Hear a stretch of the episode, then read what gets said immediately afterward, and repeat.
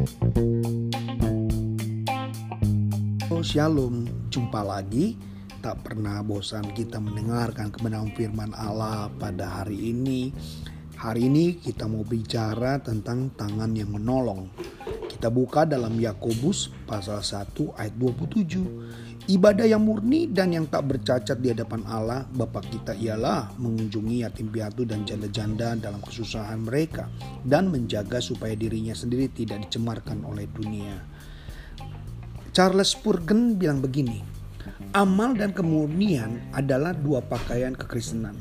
Memang kalau kita lihat di dalam setiap langkah kehidupan kita sebagai seseorang yang percaya, sebagai seseorang yang mengenal kepada Tuhan, tentunya identik dengan si pengajarnya.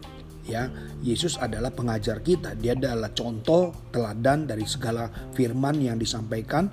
Kalau kita baca pasti figur Tuhan sangat menonjol di situ membicarakan bagaimana dia peduli, bagaimana dia punya kasih, dia punya hati, dia punya perasaan, bahkan selalu menunjukkan kepada kita semuanya untuk dicontoh, untuk ditiru, untuk diperhatikan.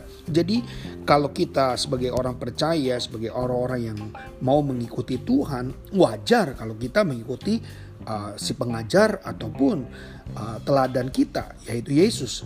Nah, mari kita lihat di sini ada hal yang perlu dimiliki orang percaya saat ini, yaitu iman. Kita memang harus memperhatikan mereka yang lemah.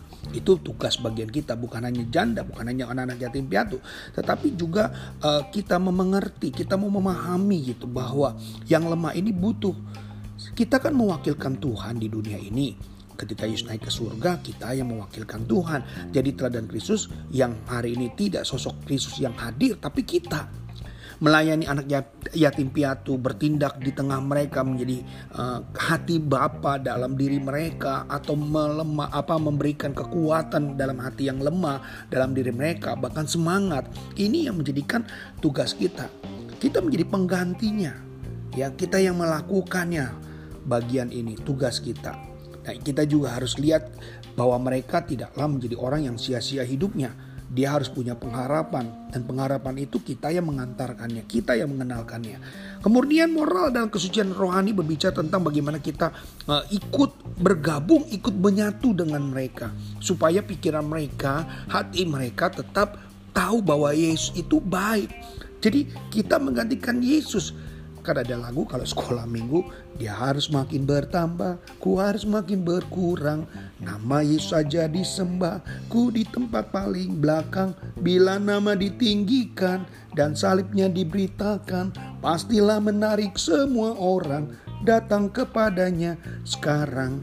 Jadi ajar mereka Allah tahu bahwa kita adalah pengenapannya ya dan dia berjanji kekudusan seluruh ada dalam keberadaan kita dan kedatangan dia ini akan membuat kita hidup semakin disiplin kita bisa memikul salib dan kita juga akan mengikuti apa yang menjadi kehendak Bapa di surga bagi saudara dan saya.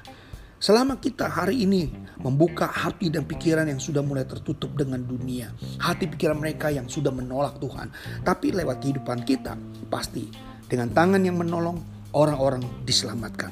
Kita kenakan pakai kekristenan kita hari ini. Kita jangan cuma baik ketika ada di dalam rumah Tuhan, kita benar hanya di dalam rumah Tuhan, tetapi lewat hidup kita, perkenalan tentang Kristus itu tetap semakin menyata, tetap menjadi hidup. Dan saudara diberkati, saya pun diberkati. Mari langkah kehidupan kita sangat penting.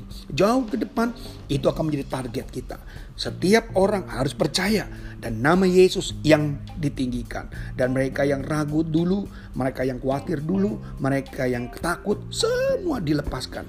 Hanya satu nama yang beri kekuatan, kemenangan, Yesus namanya. Itu saja yang boleh menjadi kekuatan buat kita semuanya jemaat Tuhan. Terus makin hari hidupmu serupa seperti Kristus dan gambaran Kristus ada dalam hidupmu. Dan nama Tuhan sekali lagi ditinggikan karena kebaikan dan kemurahannya atas hidup kita. Tuhan Yesus memberkati buat saudara-saudara semuanya. Shalom.